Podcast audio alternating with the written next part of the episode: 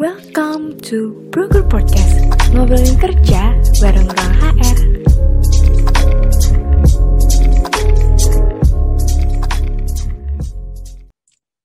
Halo Sobat Hero, kembali lagi di Broker Podcast, tempatnya kamu cari informasi seputar pekerjaan.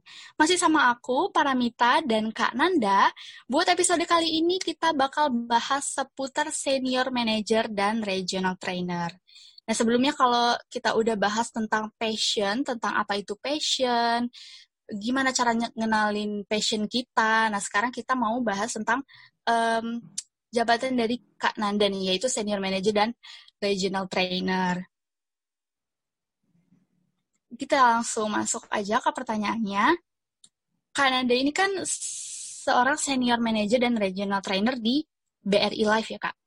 Ya. Tugas dan tanggung jawabnya kakak selama di, selama menjabat uh, di situ apa kak? Oke, jadi saya uh, saya menjabat sebagai senior manager untuk regional trainer yang mana saya mempunyai uh, tim seorang trainer di seluruh wilayah Indonesia yang uh, di masing-masing wilayahnya Bank BRI ya kan jadi fungsinya untuk melakukan training and development kepada tenaga penjual kira itu ada 1.300-an tenaga penjual kami.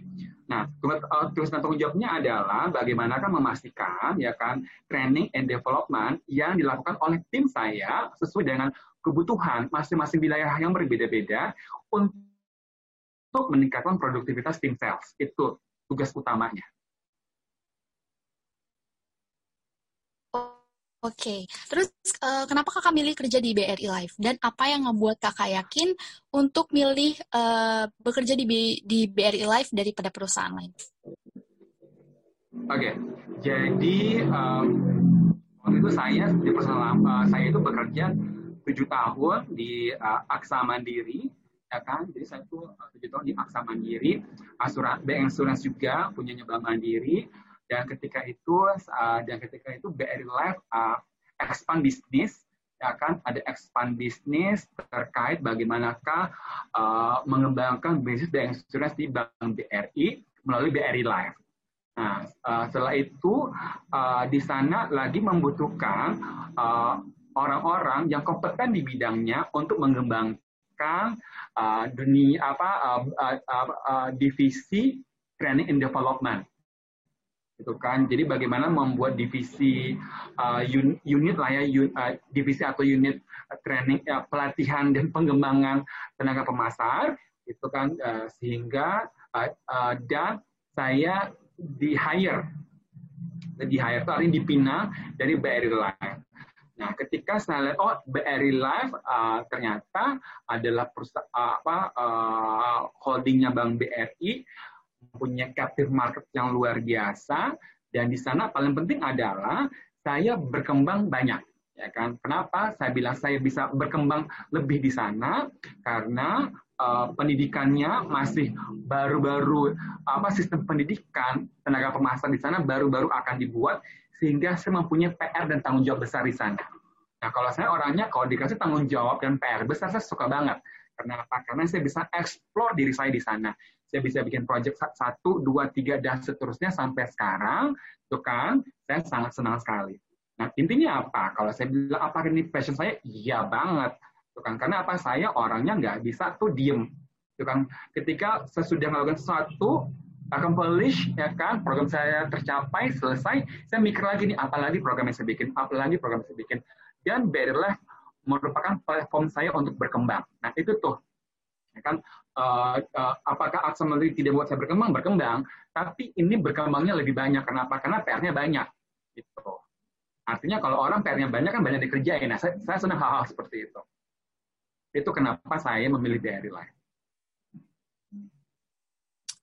Oke, kalau untuk hal-hal yang kakak sukai sebagai seorang senior manager dan regional trainer di BRI Life, apa kak? Hal-hal yang saya sangat sukai uh, apa ya saya adalah orang yang bisa diem gitu kan uh, memang saya sebagai uh, sebagai leader saya memiliki kewenangan untuk mem membuat sebuah uh, kebijakan ya terkait training apa yang ingin dilakukan ya kan kepada tenaga sales di seluruh Indonesia. Nah, yang saya suka adalah ketika kewenangan itu ada dan, dan berupa tanggung jawab, ya kan, sehingga saya bisa explore membuat program-program pelatihan dan pengembangan, ya kan. Terusnya saya juga didukung oleh tim-tim saya yang hebat, ya kan, yang, yang mana tim-tim ini harus saya development dulu. Jadi se, eh, sebelum saya mendevelopment orang tim sales, saya development tim saya dulu agar apa? Agar mempunyai satu tujuan yang sama dengan saya. Ya, uh, saya saya uh, saya melakukan pengembangan ke tim sendiri dan mengasah kompetensi mereka agar apa? Agar tujuan yang saya yang saya sudah tetapkan, goal yang sudah saya tetapkan itu bisa dijalankan bersama saya dan tim saya. Jadi emang serempak, seirama ya kan bekerja dengan saya. Nah, sehingga apa? Goalnya tercapai. Ya mungkin dong ya, gitu kan. Saya pengennya lakuin A, B, C, D. Tim saya ngelakuinnya X, Y, Z, nggak sama. Ya.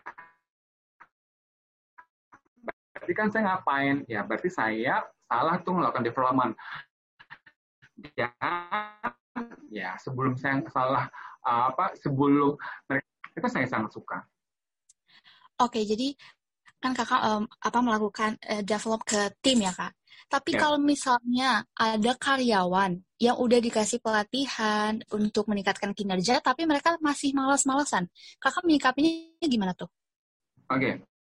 sejauh ini ya sejauh ini saya berkarir um, oh tim saya dulu di tim saya ini tuh sejauh ini tuh nggak ada nggak ada kayak gitu tuh uh, apa yang uh, yang udah dikasih pelatihan tapi kinerjanya jelek gitu kan. Malas-malasan tuh nggak ada. Tapi saya mau ngasih tips kan kalau seorang leader itu kan pasti ada. Mungkin saya belum aja kali ya gitu kan. Tapi, uh, tapi kalau misalnya ada saya bagaimana menyikapinya? Atau saya ngasih tips ke orang lain nih kalau punya kalau leader nih kalau timnya udah dikasih tahu gitu kan terus dia tetap malas-malasan bekerja bagaimana? Cuma dua. Ya kan? Cuma dua saran saya. Satu ajak one on one kembali coaching. Jadi gini, gitu kan. Uh, uh, dalam kita bekerja ada dua variabel yang menentukan sebuah produktivitas. Apa aja? Satu skill, satu willingness. Akan apa tuh skill itu adalah kemampuan, kompetensi seseorang melakukan uh, apa uh, bidang kerjanya. Kedua adalah willingness. Willingness itu adalah seperti kemauan, motivasi kerja, sebagai leader, dicek dulu deh. Dia ini malas-malasan karena apa dulu? Bener-bener nggak bisa kerjanya, atau lagi males, atau lagi demotivasi, cek dulu deh. Ya. Kalau misalnya dia nih malas kerja, sebenarnya nggak malas kerja, nggak tahu yang dikerjain, ya kan? Tanya lagi, kamu kenapa nggak bisa ngelakuin ini? Kenapa sih malas kerja? Ternyata pas anda cek aku tuh nggak malas kerja pak. Bu aku nggak malas kerja tapi bingung kerja mau ngapain. Berarti dilakukan apa namanya? Pelatihan. Oke sekarang kamu harus ikut pelatihan ya. Nah untuk peningkatan skill nggak hanya pelatihan bisa dilatih melalui training bisa mentoring oleh anda langsung atau anda pakai body program. Apa tuh body program? Artinya proses pendampingan seorang senior kepada dia dengan kalau senior kalau senior kan udah expert tuh ya kan? Kasih ke, uh, apa didampingi oleh dia selama sebulan aja. Itu kalau kalau misalnya skillnya yang jelek kan? Kalau dia nggak bisa kerja karena skillnya nggak ada gitu kan? Tapi kalau misalnya dia pas dicek skillnya ada. Ini orang setahun lalu kerja, melakukan kerjaan ini itu bisa. Tapi sekarang dengan melakukan kerjaan yang sama dia nggak produktif Akhirnya apa? Bukan skill. Karena skill itu karena skill nggak bisa turun. Skill itu nggak bisa hilang, ya kan? Yang bisa hilang itu adalah apa motivasi. Dicek motivasi, oh ternyata dia lagi tidak termotivasi. Cek lagi nih, kenapa dia nggak termotivasi? Cek dulu nih, apakah masalah internalnya atau masalah kerjaannya lagi ada masalah dengan Anda, atau masalah dengan partner kerja, atau ada masalah keluarga, itu dicek, dicek dulu. Nah, berarti seorang leader harus melakukan one on one dong, coaching. Kenapa? Ya, solusi harus Anda beri. Harus Anda beri.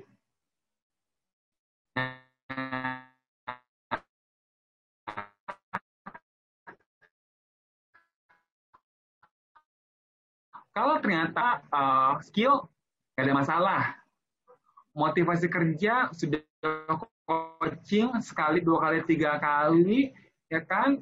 Terus juga, ya kan? Ternyata masih juga ngelakuin tugasnya sekarang lagi balikin ke sistem. Nah, seorang leader ya kan? Harus cek bagaimana sistem. Apa itu maksud sistem?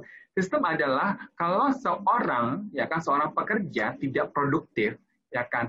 Karena ya kan? Karena kerjanya ogah ogahan udah dikasih satu apa warning sekali nggak oke dua kali nggak oke punishment by system ya kan berarti berarti jangan anda punishment by by seorang leader tapi Anda kembalikan ke SDM-nya atau HR-nya atau human capital-nya. Ini anak saya sudah saya kasih training, sudah saya uh, trainingnya udah oke, okay, udah uh, saya sudah coaching tiga tiga kali nggak mau berubah juga.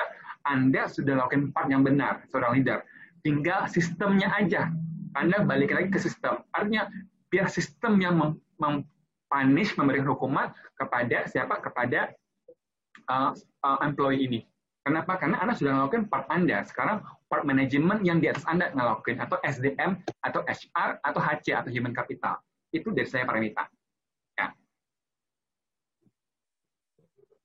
Oke, untuk pertanyaan selanjutnya, um, kalau pada saat pandemi gini nih kak, mungkin kan agak susah ya untuk melatih karyawan secara online. Nah, maka dari ya. itu gimana nih kak, uh, kakak tahu bahwa karyawan tersebut serius uh, atau enggak dan gimana cara ngatasin karyawan yang nggak serius? Oke, okay.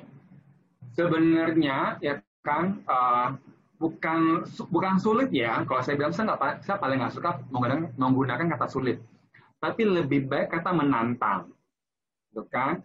Kalau menantang, challenge, berarti kan tinggal gini, bagaimanakah kita bisa conquer, conquer itu apa ya? Menaklukkan tantangan tersebut. Gitu.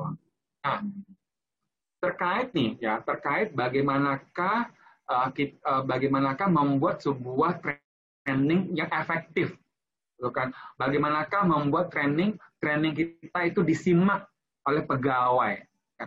pertama kali adalah ketika ya kan ketika kita training dalam kelas kita menggunakan namanya MAT metode active training yang berbeda-beda Contohnya apa? Dalam sebuah training dalam kelas aja kita menggunakan storytelling, ya kan kita menggunakan role play, kita menggunakan group discussion, kita menggunakan studi kasus, banyak-banyak lah macamnya. Ada games juga, ya kan banyak. Sehingga apa?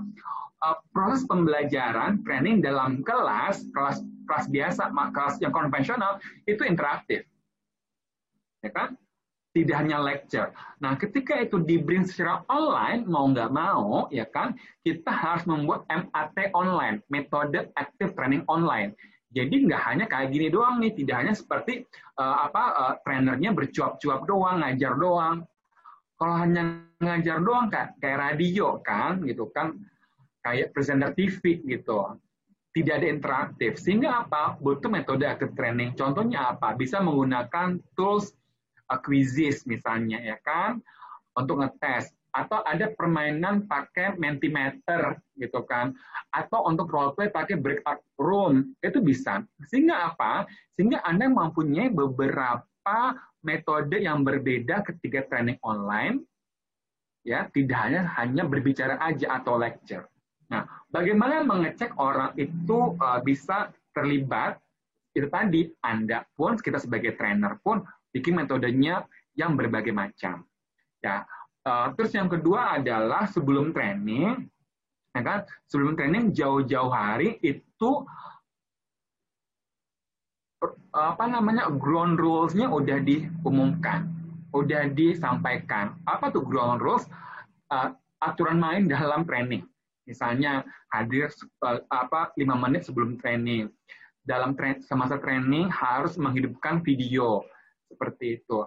Uh, uh, dan uh, dalam training pun ya kan ketika uh, trainernya melakukan pertanyaan harus dijawab seperti itu. Dan yang pasti uh, leadernya, leader dari trainingnya atau leader dari uh, apa peserta training itu harus mengetahui agar apa di uh, agar apa agar leadernya tuh nggak ngerecokin. Udah tahu anaknya trending masih aja direcokin gitu kan? Nah itu tuh. Nah yang berikutnya adalah kan ketika training itu kan bagaimanakah memastikan mereka itu paham cek ya kan? Melakukan pengecekan uh, menggunakan tes itu tes itu adalah uh, ada post testnya ya kan ketika training selesai ada tes itu kan tesnya online pakai Google Form itu bisa mungkin 10 sampai 15 pertanyaan. Nah, berikutnya adalah bagaimanakah memastikan apa yang kita ajar, apa yang kita ajarkan itu digunakan dalam kehidupan uh, pekerjaan mereka sehari-hari. Berarti mau nggak mau kita harus membuat namanya assignment. Assignment itu adalah uh, apa ya? Uh, assignment I think uh, kayak PR gitu kan, kayak beri tugas yang harus dilakukan di lapangan nanti Gitu. Misalnya gini, gitu kan, dia ikut training uh, tentang ini. Dia ikut training uh, bagaimanakah melakukan komunikasi kepada pihak pihak bank. Nah, kita ajarin tuh bagaimana komunikasinya. Habis itu kita bikin post testnya. Kita bikin post testnya 10 pertanyaan. Nah, bagaimana mengecek apakah yang kita ajarkan itu dipakai? Ada assignment. Contohnya gini, coba bikin video kamu lagi bicara kepada doa pagi kepada bangsa seperti apa sih? Nah, habis itu videonya dikirimkan ke link ini, di-upload itu assignment namanya. Nah, itu itu itu bagaimanakah eh, itu uh, how to uh, untuk memvalidasi seorang uh, apa peserta training ya kan aktif dan uh, mengaplikasikan apa yang kita ajarkan. Nah, itu paling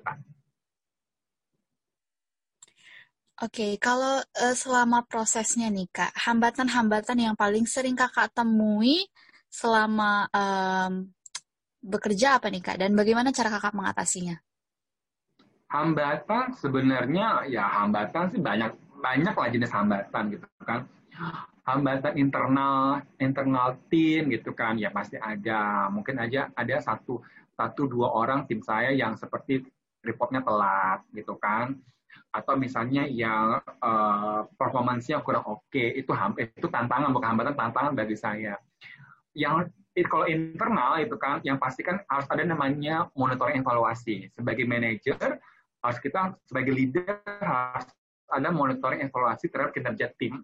Baik itu namanya itu apa weekly basis atau monthly basis. Seperti itu. Yang mana harus uh, uh, korelasikan dengan KPI-nya mereka. Nah, itu yang internal saya. Nah, kalau eksternal adalah uh, kalau uh, kalau de, kalau eksternal gini, bagaimanakah saya itu bisa uh, bisa memprovide uh, bisa men, apa namanya itu memprovide memprovide bahasanya memprovide apa ya memfasilitasi ya kan kebutuhan kebutuhan tenaga pemasar yang ada 1.300 sampai 1.500 orang tersebut ya kan uh, agar uh, agar produktivitas ya kan bisnisnya naik. Nah, karena masing-masing wilayah di Indonesia kan beda-beda. Nah, itu itu tantangannya.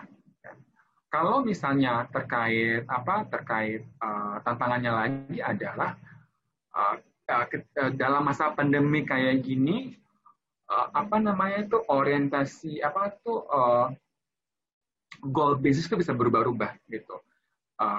Misalnya gini, kita sudah setting bisnis sekian untuk nas untuk nasabah retail. Ternyata situasi pandemi enggak enggak segitu. Ternyata mungkin lebih ke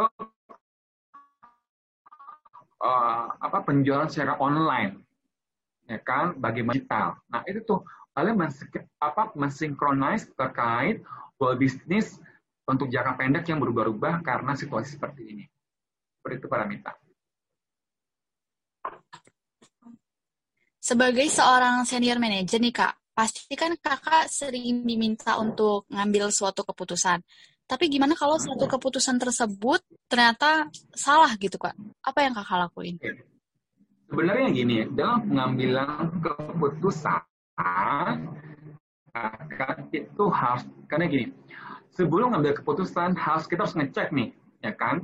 kita harus menganalisa apa masalah-masalah yang terjadi sehingga kita harus mengambil keputusan. Karena karena kalau pengambilan keputusan kan nggak bisa langsung. Ya ada ini nih Pak, gitu kan. Oh ya bikin kayak gini nggak bisa. Kita harus ngecek nih. Sebelum ngambil keputusan, dicek tuh historinya tuh apa yang terjadi sehingga ini sehingga ini terjadi. Apa cerita-cerita sebelum-sebelumnya sehingga ini terjadi. Itu. Ya kan? Agar apa? Agar kita tidak salah mengambil keputusan itu dulu. Ya. Dalam problem solving, decision making, ya kan, eh, peng, eh, pengambilan keputusan dalam mencari sebuah solusi dibutuhkan analisa thinking, dibutuhkan berpikir analitis. Dalam berpikir analitis, kita harus bisa mencari informasi-informasi pada zaman dahulu dan mengkorelasikannya. Apakah ada sebab akibat? ya kan? Sehingga kita bisa membuat beberapa pertimbangan-pertimbangan, ya kan? Pertimbangan-pertimbangan, beberapa rekomendasi keputusan dan berbagai dan berbagai resiko-resiko yang mungkin terjadi jika kita ambil uh, keputusan tersebut. Dan kita harus menyiapkan juga apa mitigasi-mitigasi dari potensi resiko yang ada ketika kita mengambil keputusan. Itu dulu tuh. Ya kan? Itu alurnya. Ketika kita sudah mengambil keputusan berarti ya ketika kita sudah list tuh beberapa rekomendasi keputusan ya kan karena kita sebelum sudah melakukan analisa ketika beberapa rekomendasi keputusan itu ada dan kita sudah tahu resikonya seperti apa dan kita tahu nanti kalau resiko ini kita harus ngapain atau mitigasi resiko baru kita ngambil keputusan berarti yang namanya pengambilan keputusan yang salah uh, apa keputusan yang uh, salah itu nggak ada jika prosesnya benar. Karena apa? Karena kita udah tahu nih, kalau kalau gue ngambil keputusan ini, ada risiko yang akan terjadi, dan ternyata risikonya, dan gue udah tahu nih, ini dan ini langkah-langkah uh, yang akan gue ambil, yang akan saya ambil kalau ini terjadi. Itu tuh. Ya, jadi seorang manajer itu harus jeli itu sebelum ambil keputusan analisa masalahnya dulu, ya kan? Setelah menganalisa, menganalisa masalah, address dulu apa saja rekomendasi-rekomendasi keputusan. Dari rekomendasi keputusan tersebut cek apa saja potensi apa saja potensi-potensi masalah. Berarti kita harus apa mencari apa mengambil rekomendasi yang mempunyai potensi masalah paling kecil. Habis itu baru dibikin apa yang menjadi mitigasi dari potensi masalah kalau keputusan itu diambil. Sehingga saya bisa mengambil kesimpulan, ya, uh, tidak ada namanya pengambilan keputusan yang salah kalau uh, proses pengambilan keputusan sudah benar. Kenapa? Karena sudah satu paket tuh, ya kan? Nah, Uh, ketika kita melakukan analisa, sebaiknya ya kan kita perlu mengkonfirmasi kepada tim kita yang di bawah kita, peers kita, teman sejawat kita, kalau itu terlalu tough, terlalu sulit, kita bisa eskalasi ke atasan kita. Nah, karena kita perlu melakukan beberapa analisa. Ya, jadi uh, seulang lagi analisa masalah dulu, habis itu kita uh, apa membuat beberapa rekomendasi keputusan, ya kan?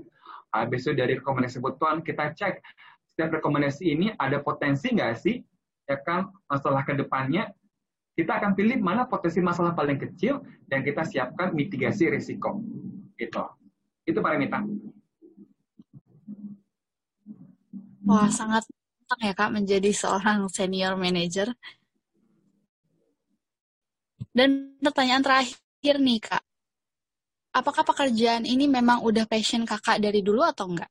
Oke, okay. sebenarnya gini, uh, kalau kalau saya lihat ya, uh, 10 tahun lalu nih kan saya tuh lulus kuliah itu kan Desember 2009 ya. Berarti udah 10 tahun lalu ya sih, ya udah 10 tahun lalu kan. Ketika saya cek passion saya, itu terjawab tuh, approve. Ya kan, cek. Ya kan, nemu tuh. Dulunya saya bilang, kalau saya bilang kan, dulu kan alasan saya pengen jadi dosen ya kan? Tapi saya uh, terjun di sales. Apakah itu passion saya? Iya, bisa passion saya. Kenapa? Karena saya produktif. Itu saya sebagai team leader. Apakah itu passion saya? Itu passion saya. Kenapa? Saya sebagai team leader pun produktif. Terus saya ketika jadi trainer, saya apakah itu passion, passion saya? Iya, ternyata saya produktif menjawab dari apa yang saya waktu kalau kuliah, yang apa setelah kuliah. Sekarang saya sebagai ya, apa senior manager bagian trainer, apakah itu passion saya? Iya. Ya kan? It's my passion. Tapi ada lagi. Uh, kalau saya prinsipnya adalah as a as a person, kan kita harus berkembang. Uh, sebagai manusia, kita harus berkembang. Ada namanya continuous learning ya jadi uh, apa tuh namanya itu uh, belajar terus menerus ya kan Con continuous improvement perbaikan terus menerus ya kan? uh, saya itu kan saya saat ini kalau dibilang saya kalau dalam uh, dalam uh, bidang uh, kompetensi ya kan dalam bidang kerja saya ini baru letter N itu letter N adalah gini, saya kan ada tuh orang letter huruf letter tuh huruf ya, ada letter I, ya kan satu garis doang, ada letter T, T kan dua, garis kan, garis tegak sama garis apa mendatar, habis itu letter N, letter itu dua tegak, satu mendatar, habis itu letter M. Nah kalau saya memang uh, saya tuh awal tuh bekerja di dunia sales, ya kan, habis itu saya uh, sebagai leader, saya sebagai strategi apa uh, di bidang untuk bisnis, ya kan. Habis itu saya sebagai saya sebagai dunia training ada tiga tuh apa kompetensi passion saya. Nah sekarang ini saya baru banget nih baru sekitar dua bulan ini saya menggali poten, apa potensi saya yang lain, ya kan. Dan itu menjadi new new passion Ya kan? Apa itu saya mau mendalami bidang HR, human resource, dan human capital. Saat ini saya baru mengambil uh, sertifikasi uh, ACAC, yaitu Assessment Center uh, Assessor Certification. Bagaimanakah saya melakukan penilaian kompetensi seseorang. Nah, jadi apa? Jadi saya nggak puas tuh walaupun saya sudah menjawab uh, apa uh, sudah saya bekerja pada passion saya uh, sesuai yang saya inginkan zaman dahulu, tapi saya tetap mencari my new passion. Jadi buat teman-teman uh, sahabat seeker ya kan menjadi orang yang kaya ilmu ya kan orang mempunyai kompetensi banyak tuh uh, itu itu enak banget kenapa karena semakin kita bervalue semakin kita tuh berharga ya kan semakin kita bernilai semakin kita di recognize kok di manajemen. Kenapa? Karena kita bisa, karena kita karena kita dianggap adalah orang yang tangkas, orang yang agile, uh, mau punya kompetensi beragam itu enak banget. Kenapa? Karena kita uh, dikasih tugas ini gitu kan kita tuh accomplish dengan cepat, selesaikan dengan cepat. Manajemen tuh recognize kita, gitu kan recognize kita. Akhirnya kita tuh oh iya ternyata si A uh, selain ini bisa nih juga ya, padahal bidang kerjanya beda loh dan kayak saya sekarang kan bidang kerja saya di training development, tapi saya sekarang uh, apa belajar tentang bagaimana melakukan assessment. Ya kan kalau assessment kan uh, eh, HR banget kan, ya saya lagi belajar itu. Ya, jadi uh, saya lagi belajar nih untuk tiga tahun ke depan dunia per human capitalan. Betul. Berarti uh, adalah sudah menemukan passion, dan saya, dan saya sekarang mencari passion baru lagi. Kayak gitu para mitra. Oke, itu tadi Sobat Hero ilmu dari Kak Nanda tentang Senior Manager dan Regional Trainer BRI Live. Udah dijelasin juga tadi sama Kak Nanda tentang uh, kerjaannya tuh gimana aja, terus bagaimana menjadi seorang leader ya Kak, tips-tipsnya, lalu hmm? mengambil keputusan juga dari uh, rekomendasi keputusan, lalu buat uh, cari potensinya, dan lain-lain. Terima hmm. kasih Kak untuk ilmunya yang sangat luar biasa. Terima kasih untuk waktunya dan kesediaannya juga untuk berbagi ilmu bersama Ruang HR. Hmm, Oke, okay. sama-sama para mita. Uh, semoga teman-teman sahabat uh, hero di sana, ya kan, job seeker, bisa menemukan passion, ya kan. Setelah itu Anda embrace ya kan Anda embrace itu artinya itu Anda uh, apa namanya itu mencintai pekerjaan yang Anda miliki nantinya. Biarkanlah uh, waktu yang apa merecognize oh ternyata passion saya di sana. Bukan kenapa? Karena kita saat zaman sekarang 2021 kita harus realistis dalam bekerja, memilih pekerjaan kecuali Anda ingin menjadi seorang entrepreneur, Anda yang menciptakan lapangan kerja sendiri. Itu jadi saya ya. Assalamualaikum warahmatullahi wabarakatuh. Selamat malam. Waalaikumsalam warahmatullahi wabarakatuh. Nah, gimana nih Sobat Hero? Seru banget kan bahasan kita kali ini? Terima kasih Sobat Hero yang udah denger Broker Podcast dari awal sampai akhir. Dan buat Sobat Hero yang pengen tahu seputar dunia kerja lainnya, tenang aja. Broker Podcast kita bakal ada tiap minggu. So, biar nggak ketinggalan informasi, ikuti kami di Instagram dan website Ruang HR. Keep stay tuned and see you later. Cari info dan apply kerja, Ruang HR aja. Apply kerja dari rumah.